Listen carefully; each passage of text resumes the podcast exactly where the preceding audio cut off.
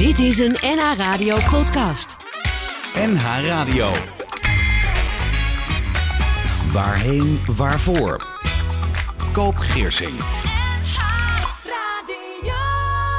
Vandaag spreek ik met een gast over leven en dood, want dat is altijd zo tussen 7 en 8 op de zondagochtend bij NH Radio, maar wel met een glimlach. En vandaag zeker, want naast mij zit uh, Sandrine Kwast. Goedemorgen. Goedemorgen, Koop. Sandrine, Ja. moet ik eigenlijk uitspreken. hè? Dat is Frans. Hè? Ja. Wat een mooie naam. Ja, dankjewel. Waar, waar komt, ik bedoel, een Franse naam? Hadden je ouders iets met Mijn vader was half Frans, ja. Half Frans? Ja, ja. Oké, maar wel Nederlands ook? Ja, Nederlands eh, opgevoed, maar zijn, eh, mijn oma was een Française. Ah, Ja. Sandrine, dat zullen we dan zeggen. Wanneer is jouw vader overleden? 2007. Mhm. Dus eh, alweer eh, een flinke tijd geleden, inmiddels. begreep van jou dat hij, voordat hij stierf, zei... sorry dat ik zo weinig tijd met jullie heb doorgebracht. Ja. Wat, wat heeft die opmerking jou geleerd in het leven? Eh, dat was een hele rake opmerking over eh, nou ja, dat je bewust met je tijd moet omgaan. Met, eh, met eh, de tijd met je dierbaren doorbrengen. En daar, daar goed voor kiezen. En niet zomaar alles aan je voorbij laten gaan. Doe je dat ook? Ja, absoluut. Oh, dat is wel knap. Sandrine Kwast is een eh, ondernemer die mensen met kanker... en mantelzorgers begeleidt en coacht op met name psychosociaal vlak. Zij helpt hen voornamelijk met omgaan met eh, laag energieniveau... zingevingsvragen, loopbaantwijfels, relationele problemen, emoties... en de balans in privé en werk. En particulieren, maar ook bedrijven kunnen Sandrine als coach en trainer inschakelen... ter ondersteuning van mensen die na een langdurig ziekteproces... het leven weer willen oppakken. Onder de naam Weer in Regie. Sandrine, jij hebt ook muziek meegenomen... die je op je eigen uitvaart zou willen laten horen. Ja. Eh, daar komen we straks op. Je bent coach en verpleegkundige van huis uit, Ja. begrijp ik. Trainer met als subtitel Live loopbaan en reïntegratie. Eerst even terug naar, naar die jeugd. Hoe, hoe zag jullie gezin eruit? Ik begrijp half Frans, hè, jouw vader.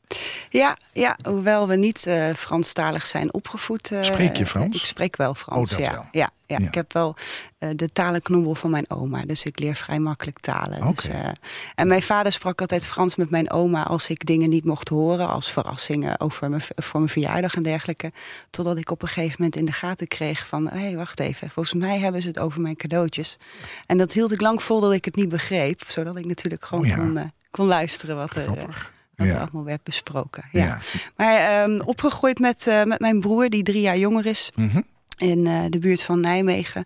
Ehm, en eigenlijk ja, een hele zorgeloze, eh, rustige jeugd gehad. Eh, ja, de gebruikelijke dingen. Lekker naar school gegaan. Ik heb vanaf mijn vijfde aan balletdansen gedaan.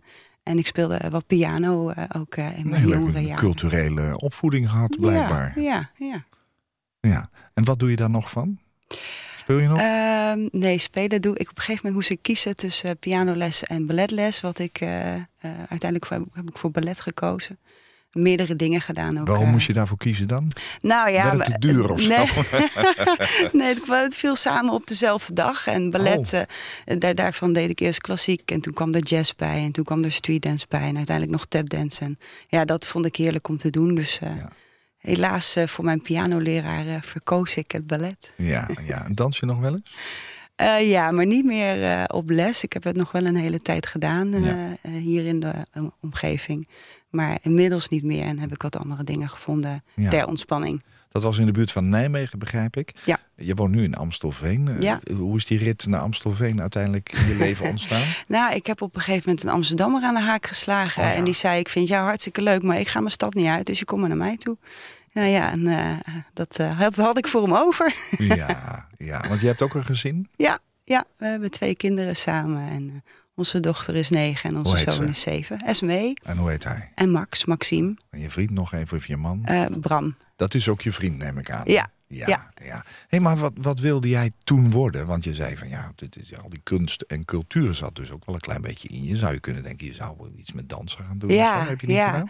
Nou, ik, eh, ik heb wel een paar keer auditie mogen doen. Dus eh, de, de liefde voor dat eh, vak zat er zeker in. Ja. Ehm, maar goed, er werd van huis uit ook al gezegd... daar kan je je centen niet mee verdienen.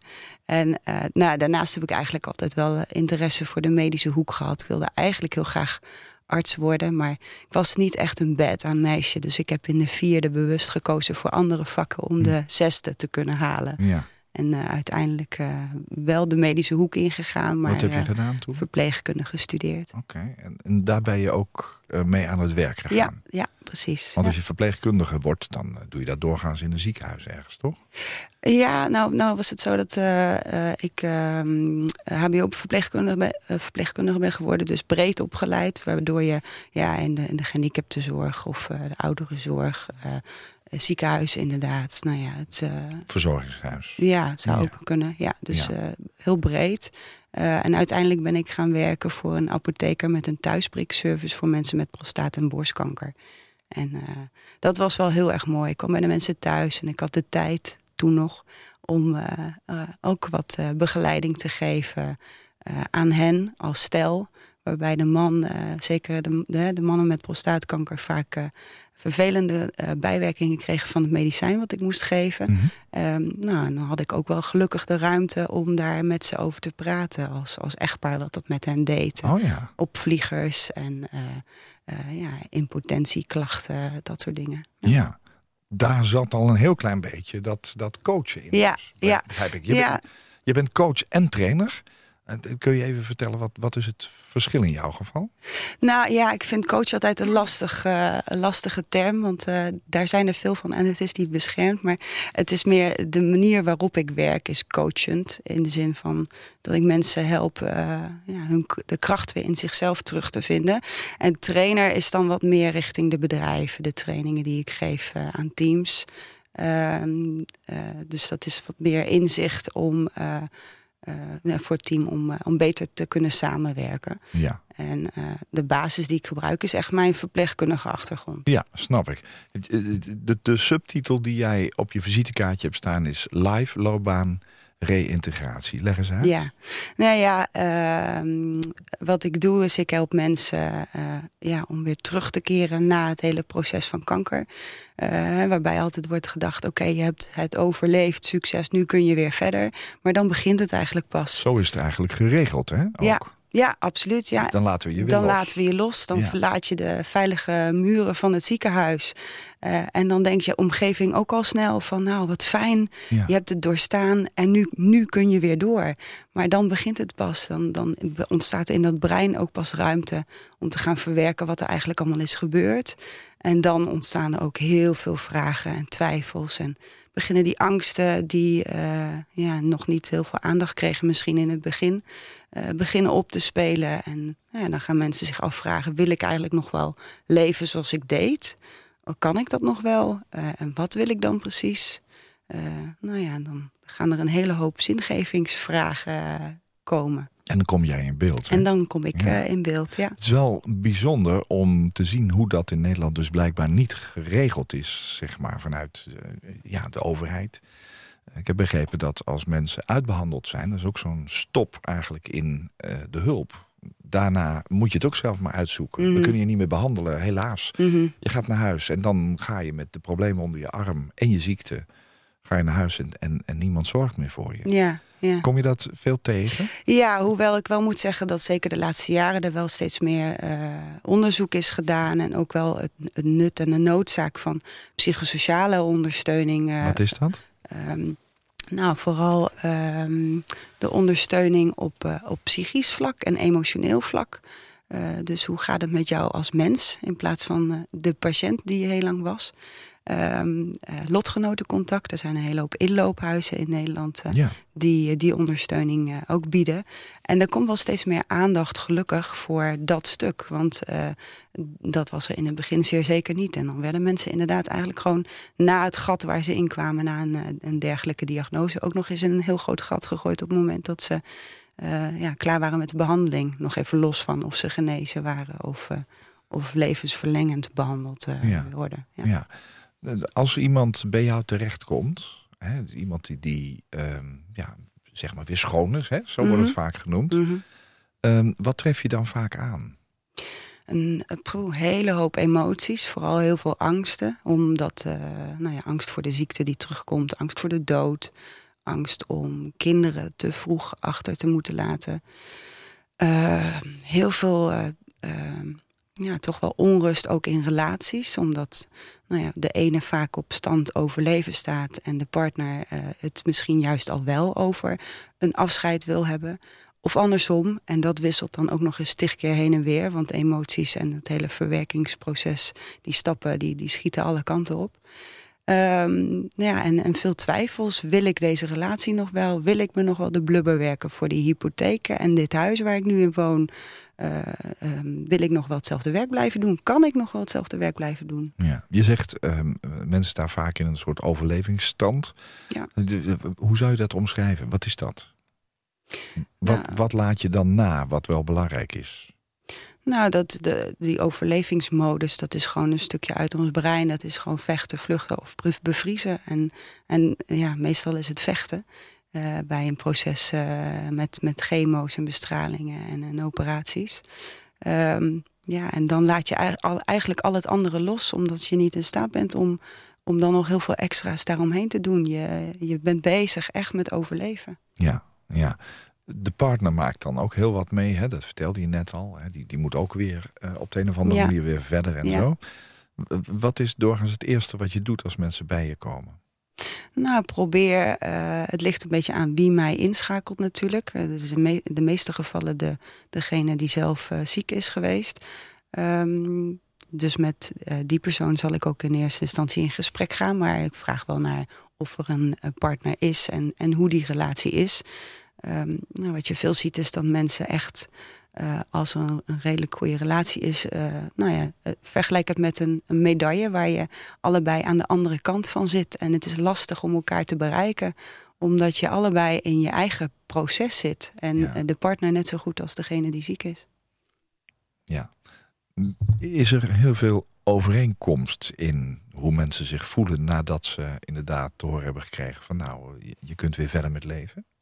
Tussen de partners bedoel je? Nee, of gewoon nee, in het. gewoon uh, in, in, in zeg maar de, de mensen die de bij jou mensen, komen. ja. Dat je zegt van goh, dat is bij iedereen eigenlijk wel een beetje hetzelfde verhaal. Um, ja, de, fa de fasen verschillen wel heel erg. Maar um, er zijn wel een aantal dingen die heel erg overeenkomen. Ja. Ja. ja. Het zijn toch echt wel de, de emoties, het sterk willen zijn. Het soms niet willen huilen. Uh, het niet willen praten over eventuele uh, afscheid of dood. Uh, ook als mensen genezen zijn hoor. Uh, uh, want dan is het net alsof ik toegeef dat het inderdaad zo is dat ik doodga. En daar wil ik het niet over hebben. Dus dat zijn wel dingen die absoluut vaak terugkomen. Ja, ja. Je hebt dus eigenlijk elke dag wel met, met dood en leven te maken. ja absoluut. Ja. ja. Ik heb jou gevraagd drie liedjes mee te nemen... om ook eens bij jezelf na te denken over dat stukje van je leven. Doe je ja. dat wel eens? Ja, heel regelmatig. Oh, serieus, zo niet dagelijks, ja. En, en ben je daar ook open in naar uh, jouw partner, naar Bram en naar jouw kinderen? Ja, daar wordt veel over gesproken. Ja, Oké. Okay. ja, ook, nou ja, ook doordat uh, uh, nog niet zo heel lang geleden in de familie weer een, een overlijden was. Um, en ik wil mijn kinderen graag meegeven dat je daar prima over kunt spreken. En dat huilen helemaal oké okay is, dat dat mag. Dat er Ja? ruimte is voor die emoties. Omdat ik ook van mening ben dat ze anders ontzettend in je lijf gaan vastzitten. En uh, nou, dat heb ik zelf ook wel ervaren. Daar ga je op een gegeven moment last van krijgen. Dat Ja. uh, houdt niemand vol. Je vader, hè? Ja, Ja. ja. Gaan we het zo over hebben. Je hebt drie hele mooie liedjes meegenomen. Um, het eerste is een instrumentaal pianostukje. ja. Jan Tiersen, waarom?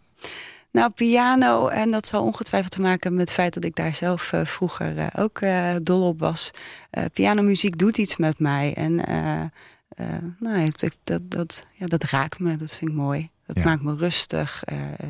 past soms heel goed bij emoties die ik dan heb. En ja, ik vind het een prachtig stuk. Dat is het ook. La Valse d'Amélie.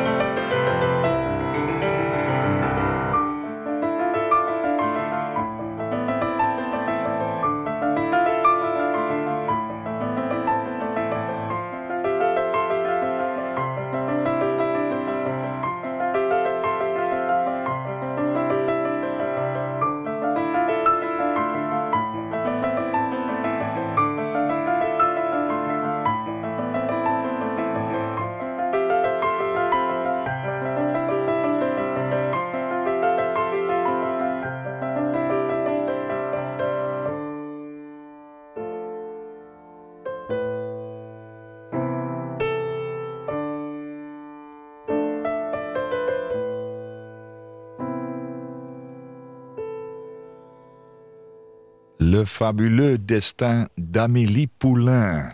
Zo heet de film. En het betekent het fantastische lot van Amélie Poulain.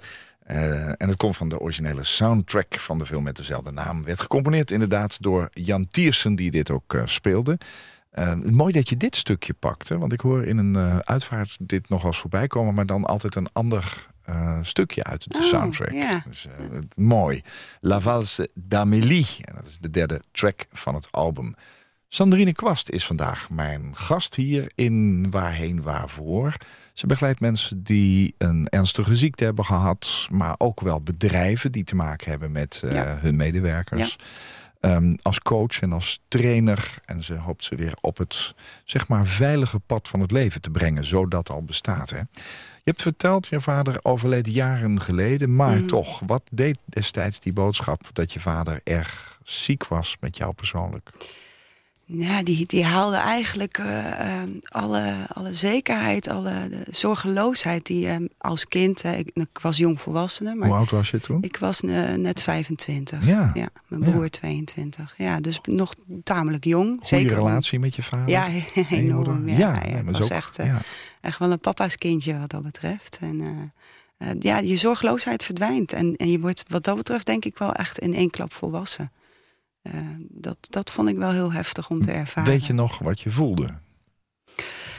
Eh, ja, ongeloof. eh, we, in, in aanloop naar de diagnose hadden we wel al wat gemerkt. Maar niet zodanig dat we Wat had je gemerkt? Nou, mijn vader deed wat, ja, wat we bestempelden als wat gekkig. Dus hij ging verkeerd tanken, een aantal keren kort achter elkaar. Oh ja? En hij werd wat roekelozer. En nou ja, ik sprak mijn moeder daarover toen zij met hem een weekend weg was. En eh, toen zei ze in een gekke vlaag van, nou ja, niet verstandsverbijstering, want ze had gelijk uiteindelijk. Misschien heeft hij wel een hersentumor. En ik zei nog, jee mam, doe eens normaal. Ja, Eh, hij dat is wil je niet horen. Nee, dat wil je niet horen. En je bestempelt dat dan makkelijker als eh, hij heeft het druk op het werk. Hij zal wel overwerkt of overspannen zijn. En dat is in eerste instantie ja, wat we dachten of wat we hoopten, denk ik. Ja, dus je hebt de signalen wel vooraf ook goed ingeschat. Ja, ja, ja. Hoewel eh, achteraf bleek dat hij zodanig agressieve tumoren had dat die er nooit lang hebben kunnen zitten. Dus het is niet zo dat, we, nou ja, dat hij al heel lang klachten had. Het was eigenlijk pas kort van tevoren. Hoe ging dat verder? Na de diagnose bedoel je? Ehm, nou ja, dan kom je in een ziekenhuis en dan, dan komt zo'n leger artsen de kamer binnen. Nou, dan weet je eigenlijk al genoeg. En dan voel je je maag en je lijf naar beneden zakken. En dan hoor je, we hebben slecht nieuws, eh, eh, we zien een gezwel. En dan gaat de molen draaien, dan, ga je, dan word je opgenomen. Dan volgen er een heleboel onderzoeken eh, voordat in mijn vaders geval ook duidelijk werd wat voor soort eh, tumor het was, wat voor cellen. En ehm, ja, open hersenoperatie, waarbij de avond van tevoren dan ineens wordt verteld: we gaan één stukje van één van de zeven tumoren weghalen. Terwijl wij toen nog dachten dat het er één was. Ah, dus dat is ja. ook van die miscommunicatie van artsen die even snel wat komen vertellen en dan weer de kamer uit zijn. En ja, jou met je gezin en met je familieleden daar dan een beetje beduust achterlaat van... jee, wat hebben we nou eigenlijk net gehoord? Klo- hebben jullie dat ook zo begrepen? En ja, dan, je de chemo's in. eh, uiteindelijk eh, twee chemo's gehad. Eh, alles was weg. Een belafspraak eh, op nota bene zijn verjaardag. Eh, en gaandeweg naar die belafspraak eh, ging die weer... eh, ja, wat, wat vreemd gedrag vertonen. eh, Waarbij ik nog zei, ja, jongen, dat zal vocht zijn in de hersenen door de behandeling. En dat geeft dan dezelfde klachten. Dus ook daar probeer je dan toch weer hoop eh, te pakken. Ehm, en uiteindelijk besloten van, nou nee, we gaan geen belafspraak eh, doen. We, we gaan naar het ziekenhuis toe. En nou ja, dus op zijn verjaardag kregen we te horen, we, we kunnen niks meer voor jullie doen. Uitbehandeld. En eh, ja, uitbehandeld, klaar. Ja. En wel nog met de optie om bestralingen eh, te nemen. En die zouden dan weken redden. En wij hadden al zoiets van, nou, eh, is dat het nog wel waard? Maar, maar mijn vader die wilde dat heel graag aan. Die, die vroeg, hoeveel procent kans heb ik om dit te overleven? Hij wilde graag leven ook. Hij wilde graag leven, maar ja, het besef van de ziekte als zodanig drong niet helemaal meer tot hem door. Juist omdat het in de hersenen zat. En eh, nou ja, ik geloof dat de radioloog zei, nou meneer Kwast, eh, de kans is minder dan 1%. En mijn vader zei, nou kom maar op met die ene procent. Ja. En nou ja, toch nog wat bestralingen gehad. Maar daar werd hij zo ziek van dat we eigenlijk eh, vrij snel daarna hebben besloten van nou, dit, dit levert geen kwaliteit van leven meer op. Niet voor die paar weken die dan nog gerekt kunnen worden. Wat voor soort mens was je vader? Een Fransman, hè, dus uh, levensgenieter en wel keiharde werker. Hij reed elke dag naar Amsterdam op en neer voor de files om op tijd op kantoor te zijn. En na de files omdat hij dan lekker door kon rijden. En dat deed hij ruim 30 jaar, van Nijmegen naar Amsterdam en weer terug. Uh, dus ja, de, de, werkuren, een werkweek van 60 uur was niet ongebruikelijk. Nee. Dus nou ja, wat dat betreft, en dat sluit ook wel aan bij wat hij zei op zijn sterfbed. Had meer tijd ja. in jullie moeten ja, besteden. Ja, ja, ja. Wat deed dit hele proces daarna met hem tot hij uiteindelijk overleed? Hoe ging dat tussen jullie bijvoorbeeld? Nou, dat, het was wel lastig, want het was sowieso niet echt een, een prater. Uh, oh nee? Ik, nee, nee. Ik wel gewoon koetjes, kalfjes en ik was heel, best wel close met hem. Maar echt over emoties werd niet heel erg gesproken. Um, ja, en nogmaals, dat ziekteproces, uh, dat besef was er op een gegeven moment ook niet helemaal meer. Dus dat maakte het wel heel lastig om het over de dood te hebben. Ja. Ja. heeft echt nog veel bezoek gehad. Uh, ook van mensen die geen idee hadden dat hij zo ziek was als hij was. Omdat hij ze nog gewoon belde en deed alsof hij een week later weer uh, naar het werk terug zou uh, komen bijvoorbeeld. Dus, oh, echt waar? Ja, ja, dat maakt het heel lastig. Ik heb meerdere telefoontjes met collega's gehad om uit te leggen dat de situatie toch echt wel danig ernstig was. Dat hij het niet zou gaan overleven. Dat heb jij gedaan? Ja, ja. Hoe, was het in jullie gezin? Hoe, wat heeft dat met die relatie met je moeder en met je broer gedaan? Zijn jullie closer geworden? Was het een, was het een periode waarvan je achteraf zou kunnen zeggen dat die ook bijzonder was? Um, nou, ja, het, het, is lastig. Ik denk dat ieder toch stiekem wel zijn eigen proces uh, daarin had. Ik was wel echt Jan de Regelaar. Ik merk dat ik dat vaker ben in, uh, in dit soort situaties. Ondanks, ik zei het net al, weer een, een sterven gehad in de familie. En ook daar grijp ik me dus blijkbaar vast aan het regelen... om het dat in ieder geval on, ja, onder controle uh, in eigen hand te hebben. Ja. En um, dat deed ik bij mijn vader ook. Natuurlijk als oudste dochter, maar ook als verpleegkundige. Dus ik heb me met alles bemoeid Oh, qua ja. medicatiebeleid. En uh, moeten we dit nog wel voortzetten?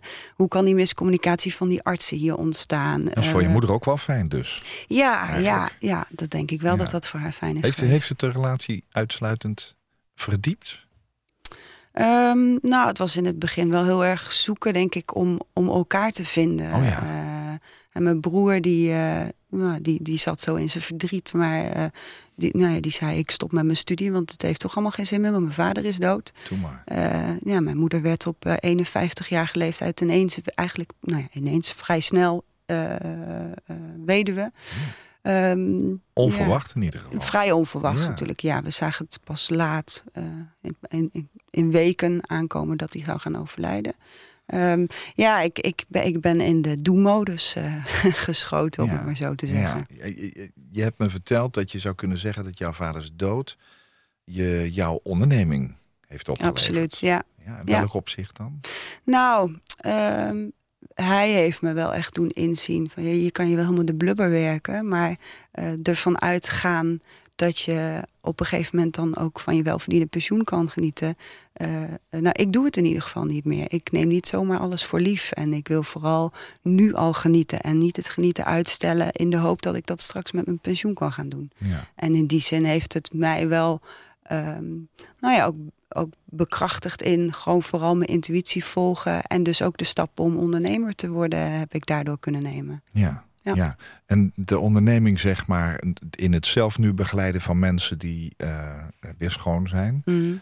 Heeft dat ook een relatie met die periode? Ja, absoluut. Ja. Ja. daar is het idee wel ontstaan. En, uh, Je hebt het wel leren begrijpen daardoor. Absoluut, absoluut. Ja, ik heb dat natuurlijk als, als een hele naaste ervaren hoe dat proces in zijn werk gaat. Niet als uh, patiënt dan weliswaar, maar um, ja, natuurlijk, daar ligt een basis van, van wat ik nu doe. Ja. ja. Zou je kunnen zeggen dat je het leven lief hebt dankzij je vader? Ja, ja.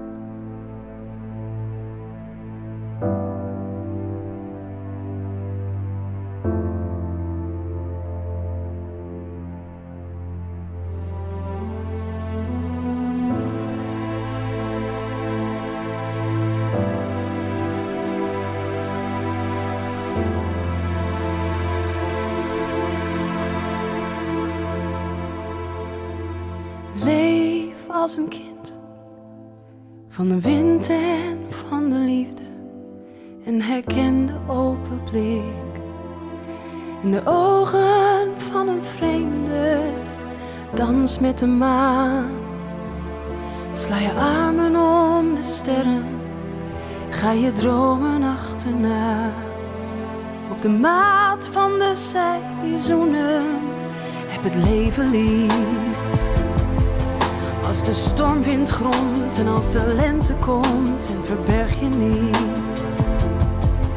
Als de regen valt en als de donder knalt, zing het hoogste lied.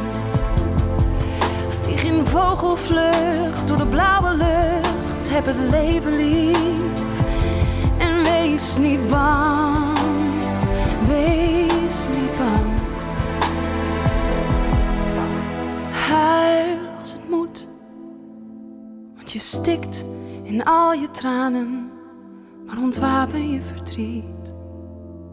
Met dezelfde overgave als waarmee je huilt. Je kunt uit je as herreizen, het geluk van het moment. Zet een streep door het verleden, heb het leven lief. Als de stormwind gromt en als de lente komt, en verberg je niet. Als de regen valt en als de donder knalt, zing het hoogste lied. Vlieg in vogelvlucht door de blauwe lucht, heb het leven lief. En wees niet bang, wees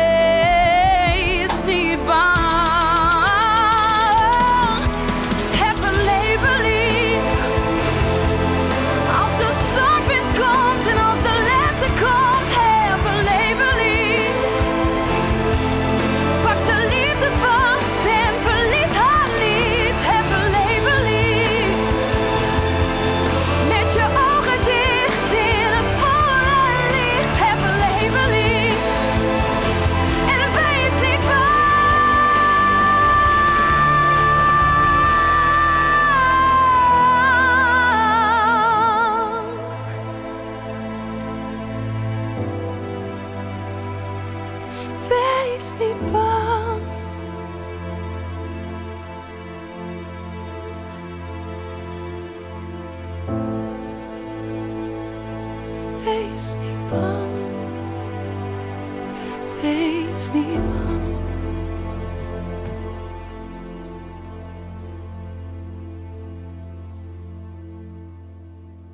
Heb het leven lief als de stormwind gromt en als de lente komt. En verberg je niet als de regen valt en als de donder knalt.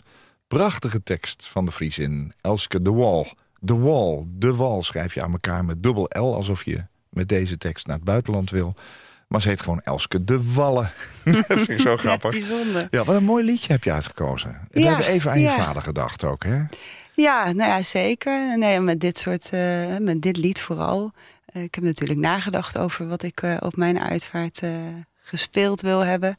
Eh, waarbij ik deze wel wat, wat meer met het oog op mijn kinderen heb uitgekozen. Oh Als ja. een soort, soort van boodschap van kom op, ga door, eh, shit Ja. happens. Even plat gezegd, maar eh, haal, haal er kracht uit om weer verder te kunnen. Ja, maar het heeft een relatie met je vader. Want die heeft jou dat eigenlijk bijgebracht. Ja, dat is de, de terugwerkende ervaring. kracht. ja, precies. Ja. Hoe heet je vader? Philippe.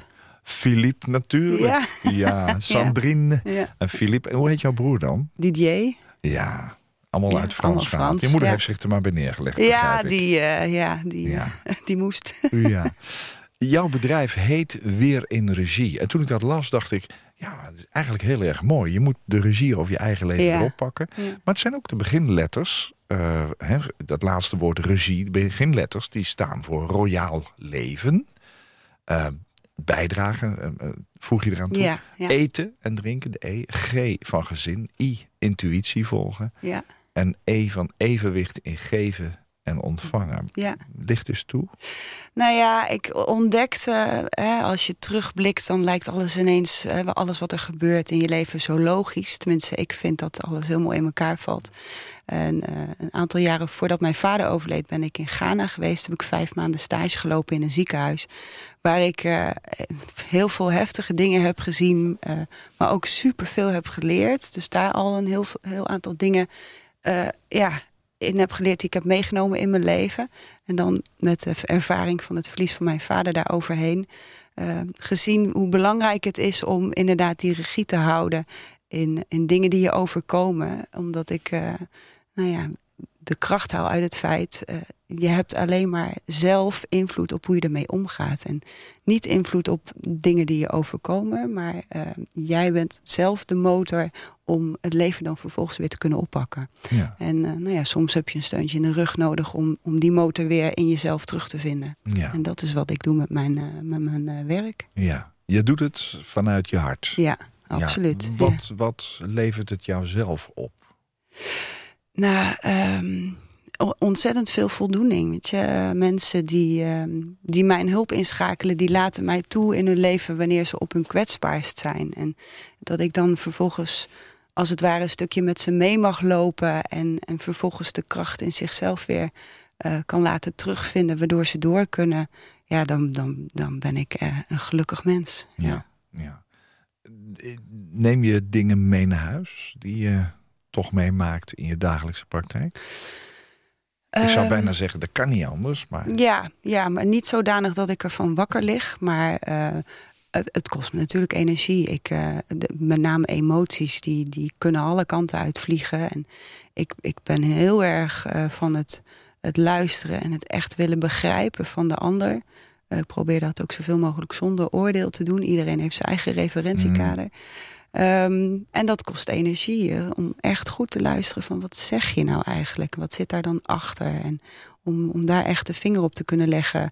Nou, dat, dat gaat uh, best wel diep, dat is intensief. En dan heb ik wel even tijd nodig daarna om uh, zelf te kunnen luchten, ontspannen, weer in balans te kunnen zijn. Hoe doe je dat? Uh, inmiddels doe ik dat nu door uh, vooral met mindfulness uh, bezig te zijn en dat ook überhaupt toe te passen in het dagelijks Wat is dat leven. ook alweer? Um, mindfulness is een manier om meer te zijn in plaats van te doen. bijvoorbeeld door mediteren. En ehm, nou, je had het net al over die vijf doelen. Um, ik, ik merkte, vandaar dat eten en drinken in een van mijn doelen zit. Uh, ik merkte dat ik iemand ben, ik kan heel makkelijk nadenken over volgende week en volgende maand en wat ik wil. En uh, daardoor heel erg druk met plannen en niet zozeer in het nu zijn. En soms met terugwerkende kracht denken, oh wauw, dat was bijzonder. Die, dat weekend met mijn kinderen of die mooie vakantie of uh, die gezellige avond samen. Um, maar op dat moment uh, ben ik er dan niet helemaal. En, en dat mindfulness, het mediteren, zorgt ervoor dat ik wat meer in het nu ben. En uh, nou ja, niet alles zomaar aan me voorbij laat gaan. Ja, en, dat is een boodschap die wel vaker ook in dit programma voorbij komt. Heel veel mensen leven met een verleden en met herinneringen. Ja. Uh, heel veel mensen denken van wat ga ik doen, maar Ja. vergeten vaak dat ze inderdaad. Ik ook wel eens, moet ik Ja, eerlijk zeggen. ja, doen we Dat- allemaal, Je, moet, je bent nu gelukkig. Ja, precies. In de toekomst weet je het niet. En in het verleden, dat is voorbij. Ja, ja, precies. Nou ja, en soms ook hangen in de emoties van het verleden en denken inderdaad in de, in de toekomst. En dan, ja, waar is dat nu dan? Kun je daar makkelijk uitkomen als je mindfulness leert, aanleert? Als je je bewust daarvan bent? Ehm, nou, ik zou niet zeggen makkelijk, want het is net als sport gewoon echt een Je manier. moet je best doen. Je moet echt wel je Ja. best doen. Ja, je moet je daarin trainen. En dat, eh, dat doe je niet door het vijf keer te doen en dan eh, zes maanden niet. Dus dat is iets wat je dagelijks eh, eigenlijk in je leven moet integreren. Net als dat je opstaat om je tanden te poetsen. Ja, moet een onderdeel van je leven Ja, zijn. ja. Praat je er ook over thuis met je man? Ja, zeker. Ja, ja. Wat doet hij? Als werk bedoel je? Nou, eh, bijvoorbeeld, ja. nou ja, hij, hij werkt op de beurs. Het hele drukke baan midden in Amsterdam. Ja. En eh, nou, ja, we praten er nu ook wel wat meer over, omdat ik een, eh, een cursus volg om, eh, om mindfulness te gaan toepassen bij mensen die chronische pijn hebben of ja, kanker hebben. Ehm, dus ik wil het graag ook zelf in mijn bedrijf gaan toepassen. Ja, ja, snap ik. Je bent nu coach. je, je bent ooit verpleegkundige geworden, dus dat ben je nog steeds. Je, je bent trainer.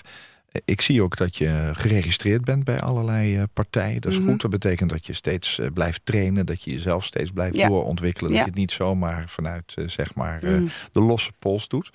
Ehm, je zegt ik begeleid mensen met kanker en mantelzorgers. Ja. Je zou bijna denken, ja, mensen met kanker hebben het allemaal meegemaakt. Maar de, de mantelzorgers die eromheen zitten... dat kan natuurlijk ook de partner zijn. Maar het kunnen ook buurvrouwen, vrienden, vriendinnen zijn. Um, Waarom die beide partijen? Waarom heb je daarvoor gekozen? Ze samen aan tafel hebben dan of zo? Nou, niet per se. Dat is niet mijn doel. Het uh, kan ook zijn dat je met, alleen met een mantelzorger bezig bent. Ja, dat kan. Ja. Nou ja, ik ben zelf natuurlijk mantelzorger geweest. En uh, met name de periode na het overlijden van mijn vader... heb ik heel erg geworsteld met... Uh, ja, alle ballen hoog houden eigenlijk. Dus ik stond nog steeds in die do-modus. Ik was gewoon 40 uur aan het werk. Ik maakte zelfs promotie. Uh, ik leerde oh mijn man kennen. Deed er nog even bij natuurlijk. Ik, uh, ik sliep al maandenlang niet. Uh, ja, en op een gegeven moment uh, ging bij mij ook even het lichtje uit. En was de balans totaal zoek. Ja. En, Gek ehm, eigenlijk, hè? Ja, vind je het gek? Nee, maar als je zo terugkijkt, dan, ja, dat lijkt mij dus zo. ja, ja, ja. en dat, nou ja, dat Heb je dat dan zelf niet in de gaten? Nee, nee, op dat moment nog helemaal niet. Je staat, tenminste, je voelt op een gegeven moment natuurlijk aan je lijf dat je, je, je, je hebt de energielek en uh, alles wordt wat lastiger. Zeker dat niet slapen, dat hakt er natuurlijk in. Maar om daar, om daar dan uit te komen is lastig als je er echt middenin zit. En dan heb je soms even een setje van deze of gene nodig. Hoe is dat bij jou zelf gegaan dan? Hoe ben je daaruit gekomen? Um, nou, Jezelf kunnen uit. Ja, eruit kunnen trekken als het ware. Nou, ik heb um, uh, hulp gezocht bij psychotherapie. Um, en eigenlijk geleerd van. Nou ja, nee, eigenlijk werd ik een spiegel voorgehouden van: hé, hey, wat ben je nou allemaal aan het doen? En waar steek je je energie in? Ik had. Uh, nou ja, wel wat keuzes te maken in ga ik hiermee voort? Levert dit me energie op? Is het me dat waard? En wat wil ik nu eigenlijk? Nou, ik wil gewoon weer een, een gezond, uh, gelukkig leven gaan leiden. En uh, mijn, mijn, verdriet een plek geven. En op deze manier lukt dat niet. Dus uh, je moet uh, even herijken, als het ware. Dingen loslaten. Ja. Je weet wel waar je naartoe wil. Je weet alleen niet hoe. Precies. En dat is eigenlijk ja, exact waar mensen die ik begeleid in zitten. Ja, maar hulpvragen lijkt me ook soms lastig. Absoluut, ja. Je hebt het wel gedaan. Ja. Gaan we het zo over hebben. Even weer terug naar jouw drie liedjes. Want um, uh, La Valse d'Amélie hebben we al gedraaid. En Heb het leven lief was een hele duidelijke boodschap. Ook voor jouw kinderen. Je hebt er nog eentje. Een hele mooie van Sarah McLachlan. Angel. Waarom? Nou, ik, uh, ik stel me zo voor dat dit dan wat meer de, de boodschap aan mezelf is. Uh, tijdens de uitvaart van...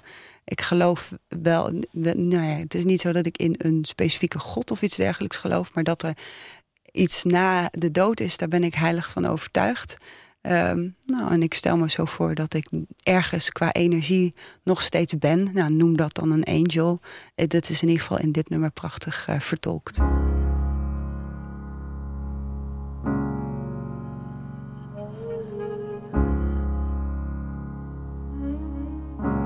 Spend all your time waiting for that second chance.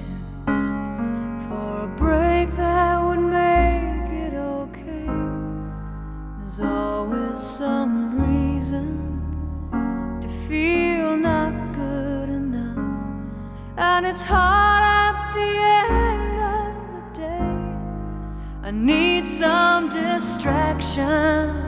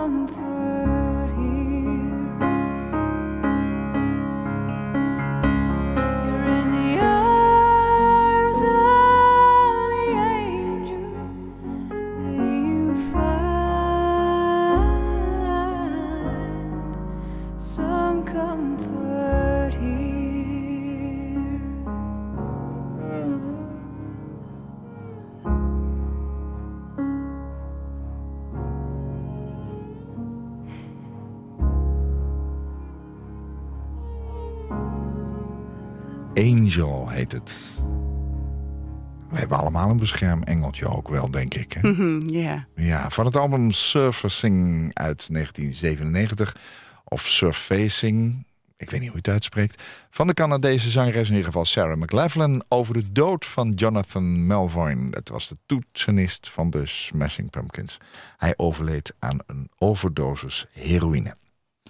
Sandrine Kwast ondersteunt mensen die na een langdurig ziekteproces... het leven weer willen oppakken onder de naam Weer in Regie. Eh, ja, ik heb het al even gezegd. Hoe, hoe moeilijk is het als je in zo'n situatie eh, zit... waar je zelf ook in bent geweest. Het gaat maar door en je slaapt niet meer. En je merkt dat er natuurlijk van alles aan de hand is. Mm. Hoe moeilijk is het om dan hulp te zoeken?